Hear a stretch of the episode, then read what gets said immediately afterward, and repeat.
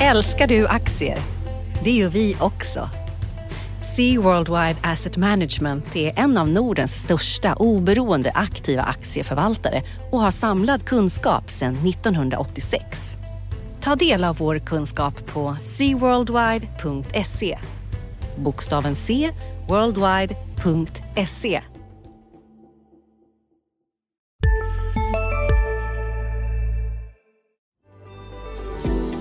Med tradingmäklaren IG kan du ta del av snabb och smidig handel direkt i deras tradingplattform. Med ett brett utbud av marknader och handel med flexibel hävstång kan du dra nytta av fler tradingmöjligheter. Handla de mest populära indexen, aktierna, råvarorna och valutorna både på utländska och svenska marknader. Öppna ett konto hos IG redan idag. Ladda ner appen eller besök ig.com. Men kom ihåg att handel med finansiella instrument alltid innebär risker. Analyspodden från Dagens Industri. Hej och välkommen till Analyspodden, Dagens Industris podd om börs och makro. Jag heter Agneta Jönsson och med i studion idag har jag min kollega Magnus Dagel. Hej Agneta! Hej! Idag är det fredag den 26 november och klockan är strax efter tio. Det är ju mycket dramatik på börsen så jag tycker vi pratar mest om det idag. Tycker du inte det? Jo, vi får väl göra det. Vi har mycket att prata om idag. Och nu när vi står här så startade börsen kraftigt neråt. I början var det ner över 3 procent. Det som oroar marknaden är att det har kommit en ny mutation utav coronaviruset som man har startat i Sydafrika som man inte riktigt vet så mycket om mer än att den är mer eh, smittsam. Och det räckte för att få många att trycka på säljknappen. Mm. Men hade det inte varit det hade det säkert varit något annat. Det hade förmodligen det, för det var lite upplagt nu för en rekyl i Ja, marknaden. Ja. Det har varit svagt en liten period. Tittar vi på det tekniskt så har du också fått stora re- reaktioner. Ett tecken var Evolution Gaming som har fallit så pass mycket om de här osäkerheten då om de har eh, låtit personer i Iran spela deras spel. och Det, här. Men, och det visar också att marknaden är lite nervös, man är benägen att sälja. Så att, som sagt, hade det inte varit detta hade det förmodligen varit något annat. Och det har ju gått väldigt bra, så även om det är ner ett par procent idag så är index ändå upp 21 procent i år. ja, och det var väl uppe 38 med utdelningar vad jag såg senast, då, Ja. precis på toppen där. Så det, det plus eh, föregående års uppgång då, så det, det har gått upp väldigt mycket. Det har gått upp väldigt så det är mycket. naturligt med vinsthemtagningar och rekyl, rekyler kan Ja. man tycka. Jag är inte jättebekymrad. Tittar man på det tekniskt så är nu OMX-index i 22,74 när vi står här och snackar. Och du har ett väldigt bra stöd på det här som man kallar för 200 dagars glidande medelvärde. Det ligger runt 22,66. Där nere var vi och wobblade idag. Så att jag tror att händer ingenting dramatiskt och det här viruset visar sig vara mycket eh, farligare och dödligare så tror jag att vi faktiskt lyckas ta oss igenom det här. Mm. Du säger att du ser lite likheter hur det var i marknaden 1999, där 2000, när vi faktiskt satt bägge två och jobbade aktivt på finansmarknaden. Ja, jag var ju analytiker då, hade precis sadlat om från optionsvärdering och du var ju aktiemäklare va? Ja. på Matteus. Det stämmer bra. Och jag följde ju bland annat de här internetaktierna då och det var ju väldigt spännande tider. Då. Men det, det finns likheter och det finns stora olikheter tycker jag. Men det, det, likheterna är att många aktier går väldigt kraftigt nu och man förstår inte riktigt vad som driver dem och det drivs inte riktigt av fundamenta kan jag tycka. Och det är väl likheten. Jag ser bland annat flera fastighetsbolag som jag inte riktigt förstår hur de, utan hur de kan värderas så högt. Eh, som har rusat i år långt över 100 procent, en del är nästan upp till 200 procent som MP3, eh, K-fastigheter, bland annat Sagax. Väldigt duktiga bolag förvisso. Vi ser, eh, tycker jag ser de här förvärvsbolagen också som Storskogen, Stiptech, liknande som förvärvar sig till bolagsköp helt enkelt billigt och får en skyhög värdering av börsen. Att det är svårt att värdera de här till exempel. En kompis sa till mig eh, som hållit på med aktier väldigt länge, han sa att eh, allt jag lärt mig i skolan det är bara till nackdel nu i den här marknaden. Utan man ska bara blunda och köpa och inte räkna på bolag. Och så, så var det faktiskt lite, lite då. Jo, men det stämmer ju. Och eh, en tror jag förklaring till de här som du nämner, fastigheter och förvärvskonglomerat och sånt, är att under hela den här perioden när räntorna har gått ner så har man inte riktigt vågat ta med det i kalkylerna. Men nu känns det som alla släppt taget och man tror att räntorna ska vara låga för evigt och helt plötsligt så kastar man in hela den synen rakt av in i kalkylerna. Ja, ja men så är det. Men jag tror att eh, det skiftar väldigt mycket på aktiemarknaden. Eh, olika saker är heta i olika omgångar och nu är det just sådana här förvärvsbolag som är heta. Men det skiftar ju väldigt mycket och jag tror att det där kommer att skifta tillbaka. Eh, det är, det är helt orimligt att kunna köpa liksom bolag på 6-7 gånger vinsten och sen blir man värderad till 30.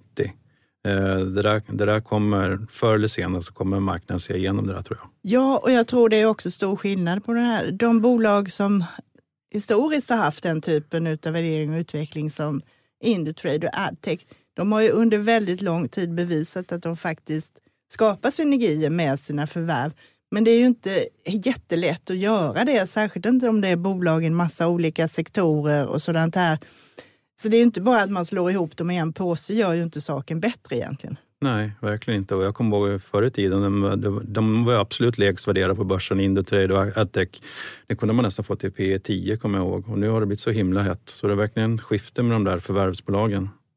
Det kanske är det dags att börja damma av de där. Det fanns ju något som hette konglomeratsrabatt förr mm. i tiden, precis som investmentbolag, just därför den anledningen att du kanske inte skulle värdera det så högt när det var väldigt spretiga verksamheter. Mm. Nu verkar man göra tvärtom. Nu verkar det som att sätta konglomeratpremie. Och det tror jag också har med det där som sagt var med finansieringskostnader, att det är så lätt att låna, det är så lätt att förvärva och göra grejer. Men jag håller med dig. Jag tror man ska vara lite försiktig när man, om man är inne i de här aktierna, att man verkligen tittar på värderingarna också. Och vad kan hända om vi kommer in i lite tuffare tider? Mm. Och man får ju tänka på de som har noterats nu eh, som Storskogen, de har ju haft en extrem värdetillväxt innan eh, de kom till börsen. Eh, får man tänka på. Eh, så de har ju gått bra nu på börsen men de, eh, de värde, värdeuppgången har ju varit kraftig innan också. Jo men visst är det så. Och ska de fortsätta växa så är det ju också dyrt för de bolag som finns onoterat att köpa. De har ju också blivit ganska dyra. Ja, det också. Det är huggsexa om onoterade bolag verkar som. Det har vi skrivit flera artiklar om. Eller hur? Sen finns det ju andra paralleller om vi tittar om millennieskiftet. Då skulle ju alla kunderna det var ju de här internetbolagen, Icon och Framfab, men också Telekom var ju superhett, Ericsson och Nokia och alla de här.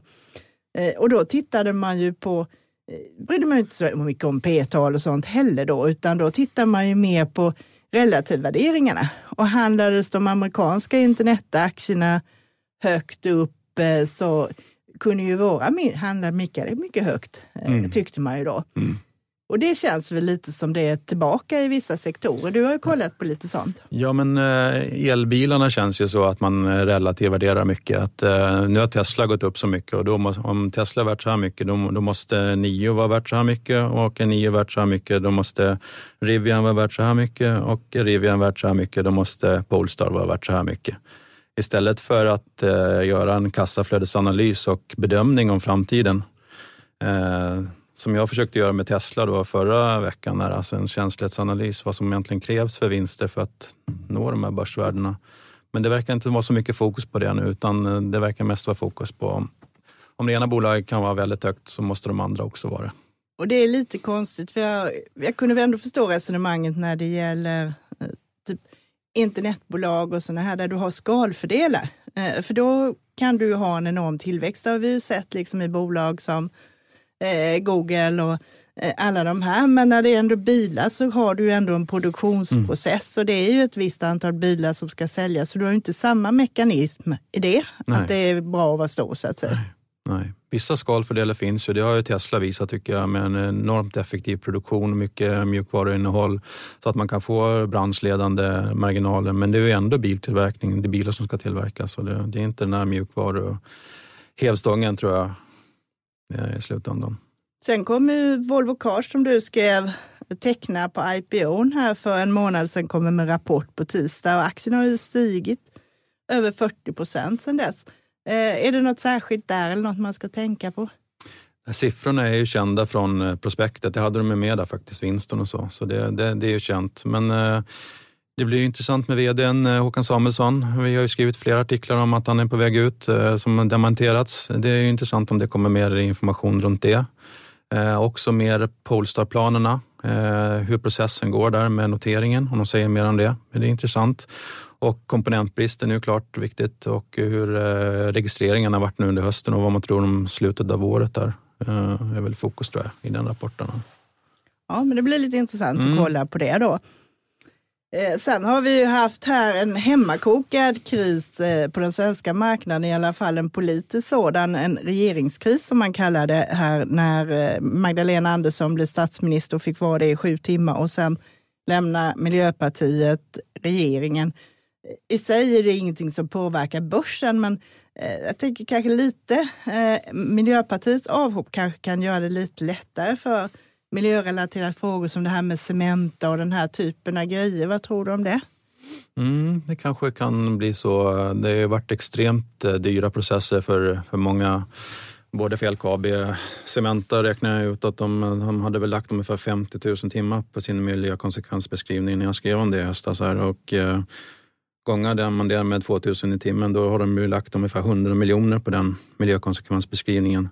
Och det är ungefär en årsvinst. Eh, och då får man ju fråga sig, är det rimligt att bolag lägger en, en, en hel årsvinst på en miljökonsekvensbeskrivning? Kanske är det det. Men eh, det här tror jag kommer vara väldigt mycket fokus de kommande åren om, om eh, just de här miljöansökningarna om miljökonsekvensbeskrivningar för många av de här gruvbolagen, cementbolagen, Eh, och även energibolagen eh, och även de här H2 Green Steel och Hybrid som kommer, eh, kommer att vara mycket fokus på de här just miljökonsekvensbeskrivningarna. Kanske blir det lättare när Miljöpartiet inte är regeringen.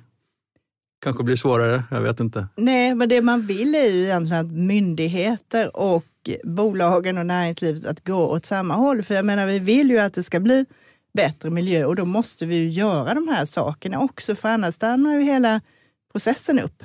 Ja, så är det faktiskt och det skrev jag om bland annat nu i höstas med det här stora CCS-projektet i Slite. Då. Eh, att eh, där har man chansen att ta bort ungefär 4-5 procent av Sveriges koldioxidutsläpp. Men det ser ju då ut att stanna i, i olika miljöprocessbeskrivningar eh, och, och olika domstolar kommande åren. här. Så det, det de här verkar vara lite kontraproduktivt faktiskt. Eh, regeringen vill en sak men eh, domstolarna sätter sig på tvären och väldigt långa processer. Och Det är jätteviktigt för att företagen ska göra saker. Eh, vi hade ju det stora eventet D bank när alla bankerna var där och snackade och det är väldigt mycket fokus på hållbarhet och bland annat Johan Torgeby på SEB berättade att eh, om man uppskattar i världen nu i, i EU så behövs det 3290 miljarder euro.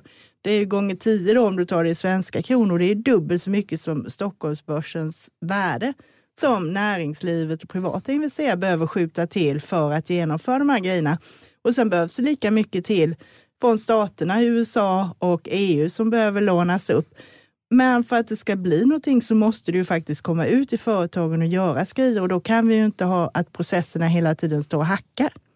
Nej, det känns som, eh, det sa ju Cementa också när jag gjorde den här intervjun med dem, att det är just, det är just eh, domstolsprocesserna och ansökningsprocesserna som är det stora hindret nu i Sverige för att ställa om mot mera minska koldioxidutsläppen. Jo, så det är intressant. Det är intressant för att det, och det är mycket det som bolag som vi investerar i också, de måste ju komma loss och få göra grejer för annars eh, blir det ju ingenting av det. Nej. Sen eh, har vi haft fler såna här rapporter och grejer i veckan. Eh, Finansinspektionen la fram sin stabilitetsrapport i tisdags och där var generaldirektören Erik Thedéen oroad för fastighetssektorn när han beskriver utvecklingen för aktier i den sektorn som närmast explosionsartad. Och det har ju också du skrivit om. Kan du berätta lite om det du kollade på där? Ja, men jag hittade en intressant graf som eh, fastighetsrådgivaren Pangea tagit fram. De har alltså tittat på värderingen av eget kapital eh, 30 år tillbaka. Det var intressant. Där hittar man många av de här gamla spännande fastighetsbolagen, Lodet och Realia som har tillkommit och försvunnit. Men i varje fall var kontentan att, eh, att värderingarna är ju på de klart högsta nivåerna på 30 år eh, i sektorn. Då. Ehm, men det är också väldigt spritt. En del är ju lågt värderade fortfarande som eh, kontor i Stockholm och retail.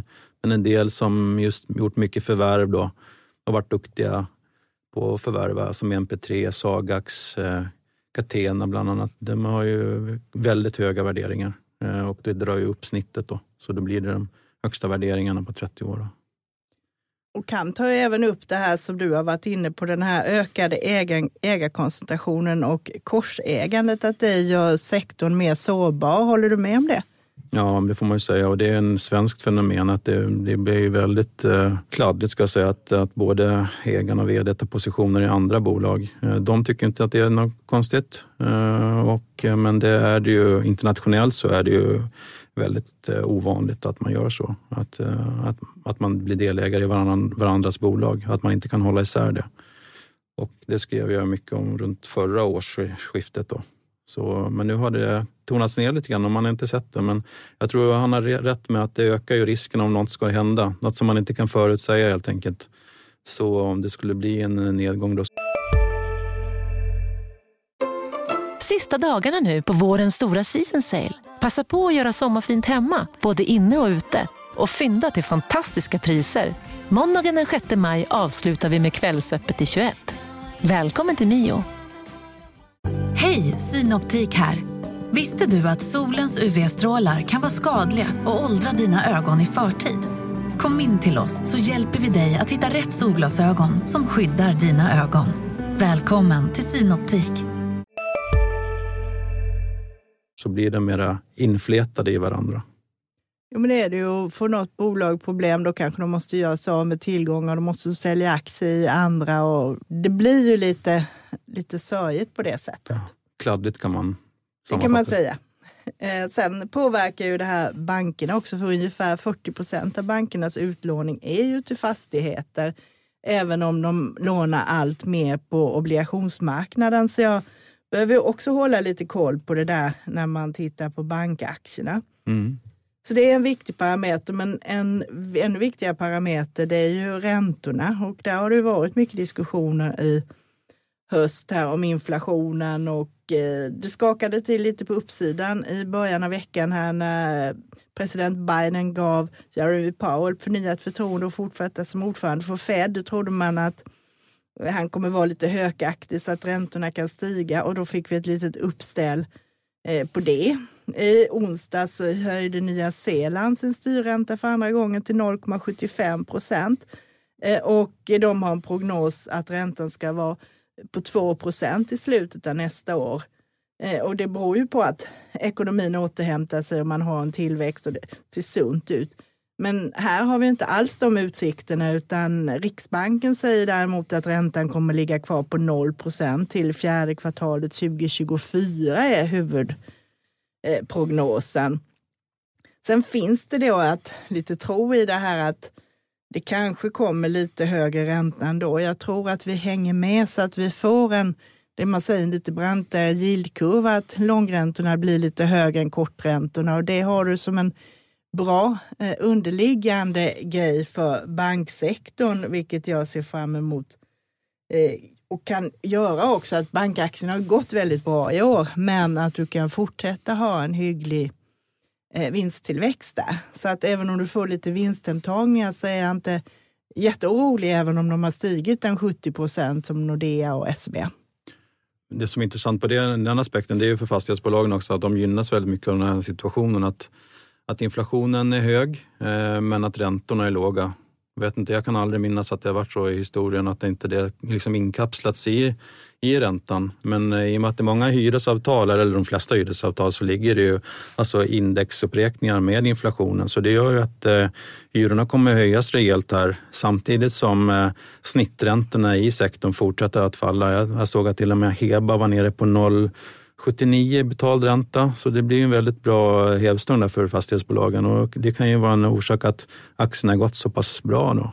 Ja, men det är det ju. Det måste ju vara den bästa av världar. Ja. I och med att de har också lite olika löptider, så ju längre det är lågt, desto lägre blir ju snitträntan då. Ja, Och det, de, sniträntebindningen ligger ungefär på 3 till 3,5 år så en, en ränteuppgång får ju väldigt, eh, det tar ju väldigt lång tid innan det, det slår igenom i, eh, i resultaträkningen på fastighetsbolagen. Det kan man ju tänka på också. Då. Men aktiemarknaden brukar vara snabb på att diskontera det. Den är snabb. Men man ser också underliggande en signal på prisuppgångar. Det är ju också hur utlåningen till fastighetssektorn växer. Tittar vi på bolånen kom det fast statistik i förrgår och då visar det sig att bostadslånen är igen nu på en årlig tillväxttakt på 6,8 procent och har successivt ökat här under 2021 igen här.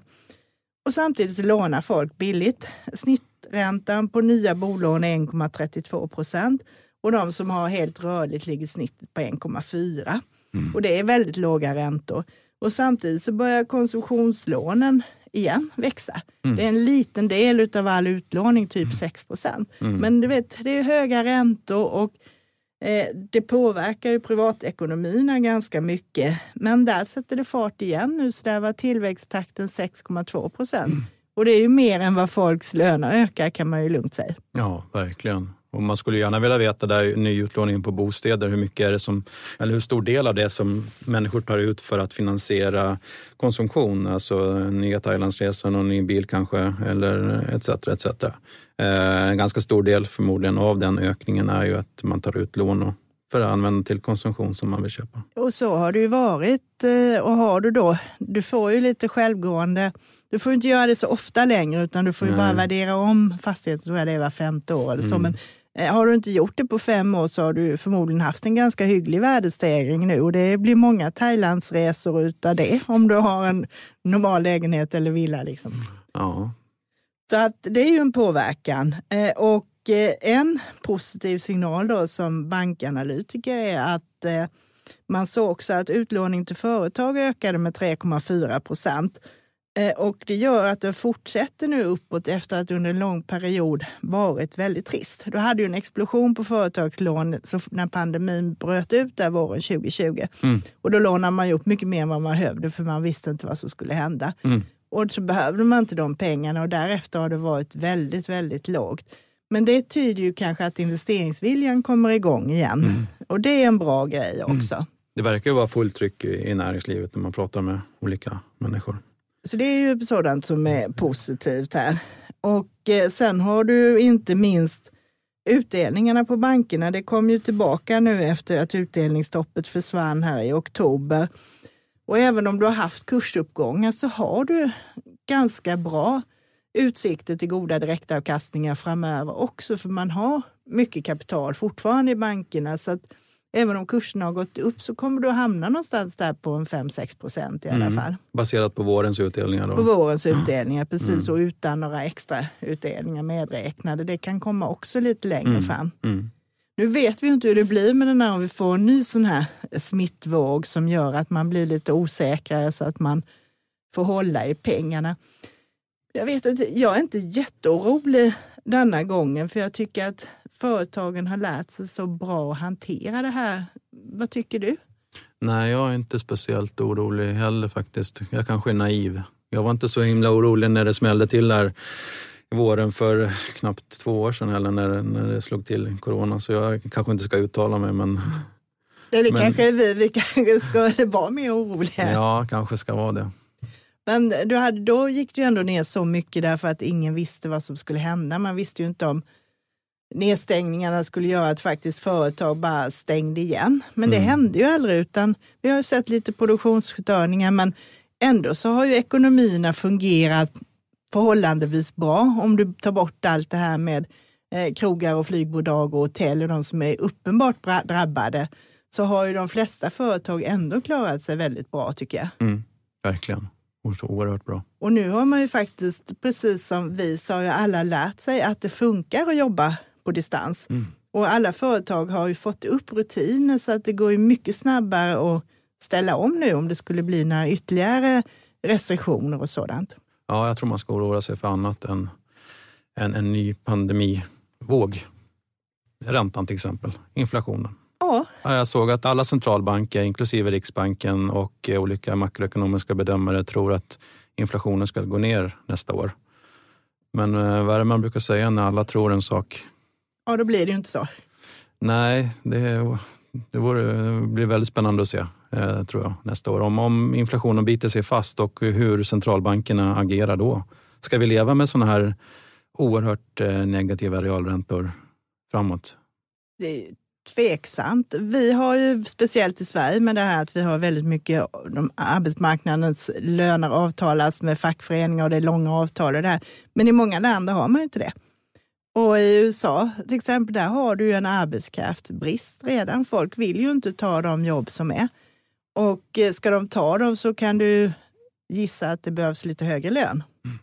Ja, helt klart. Så då får du förmodligen en löneinflation också. Mm. Så att eh, det håller jag med om att det finns risk för det. Mm. Får jag komma med ett litet aktietips också? Gör det. Vi har ju bara pratat marknaden, men ett bolag som jag här, tog som veckans aktie i maj i år som eh, gick bra, det är ju det här Core som jobbar med eh, då som man kallar med fastighetsservice. Man kör med städning, man sköter fastigheter, man har hand om personalrestauranger och allting sånt där. De var ju en riktig sån här pandemiförlorare. Mm. Och vinst, eh, omsättningen föll 7 procent 2020 jämfört med 19. Framförallt därför att folk inte var på jobbet så att det behövdes inte riktigt den typen av tjänster. Men nu är det tillbaka.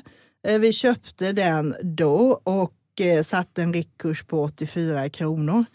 Eh, och den blåste det igenom snabbt. Det var 15 procent från vår köpkurs upp dit och sen var den uppe i 94 kronor som mest. Där. Men nu har den fått en smäll tillbaka och den har gått ner därför att det står ju bland annat i vår tidning då att de tappar Volvo som kund. Och det är en av de, bland de fem största svenska kunderna.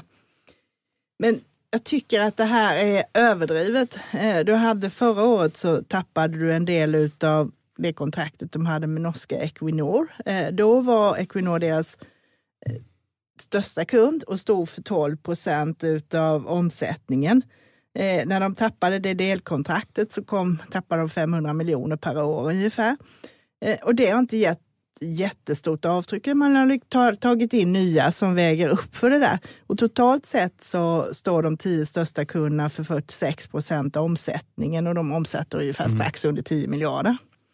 Eh, och det vi ser nu då är att man fick samtidigt en annan stor kund eh, i Danmark med ett sjuårigt kontrakt på totalt 3 miljarder. Och jag tror att man lyckas ta in andra kunder också. Och Core säger själva att den här Volvo-kontraktet var så dålig lönsamhet och var därför också de inte skickade ut något pressmeddelande.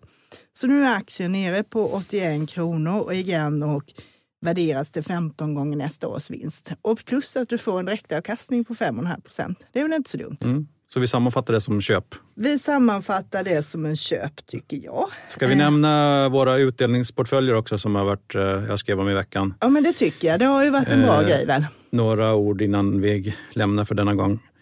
Nej, men den är ju faktiskt femte året i rad som vi uppdaterar det nu, så där kan man dra lite intressanta slutsatser. Det var ju tre olika portföljer. En med stabila utdelare, en med högutdelare, bland annat mycket av dina banker där var med. Och eh, sen var det en preferensaktieportfölj.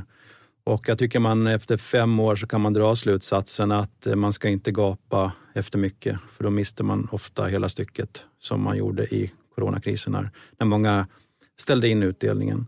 Däremot de här stabila utdelarna som har en lägre direktavkastning men också väldigt stabil utdelning och många av de här absoluta merparten behöll sina utdelningar i krisen och de höjde också utdelningen. Precis som de gjort det gångna året faktiskt. Att alla eh, nio av tio höjde utdelningen och en var oförändrad, AstraZeneca.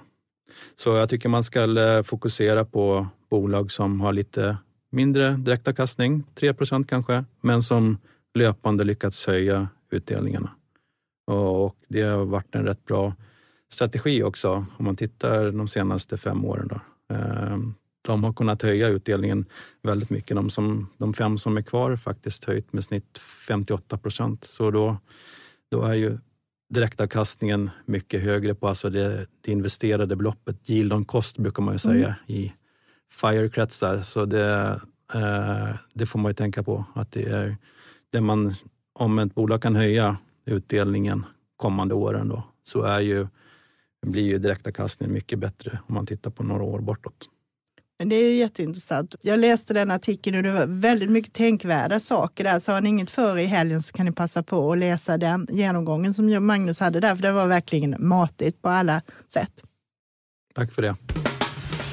Ska vi ta och säga några ord om nästa vecka också? Mm. Det är som sagt var Volvo Cars på tisdag som rapporterar och sedan har du en massa kapitalmarknadsdagar eh, som eh, kan vara intressant eh, att titta på vad som kommer. På tisdagen är det bland annat Alfa Laval och Dustin eh, och sen på onsdag är det Husqvarna och Epiroc. Eh, och i min sektor så har ju Resurs eh, Holding knoppat av sin försäkringsverksamhet Solid idag och de börjar handlas på onsdag i nästa vecka. Eh, så det är intressant att se vad det sätts för värdering mm. Eh, på den. Eh, det kommer jag titta lite närmare på och återkomma i den mm. frågan helt enkelt.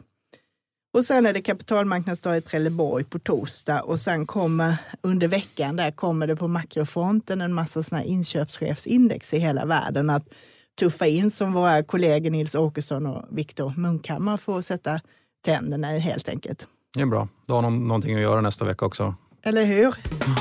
Ska vi tacka för idag? Ja, det gör vi och önska en eh, trevlig helg.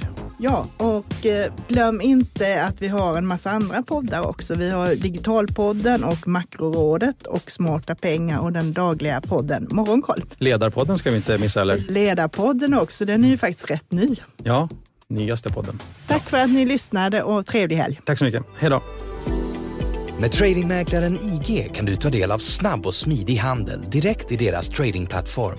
Med ett brett utbud av marknader och handel med flexibel hävstång kan du dra nytta av fler tradingmöjligheter. Handla de mest populära indexen, aktierna, råvarorna och valutorna både på utländska och svenska marknader. Öppna ett konto hos IG redan idag. Ladda ner appen eller besök ig.com. Men kom ihåg att handel med finansiella instrument alltid innebär risker. Analyspodden från Dagens Industri. Programmet redigerades av Umami Produktion. Ansvarig utgivare Peter Fellman.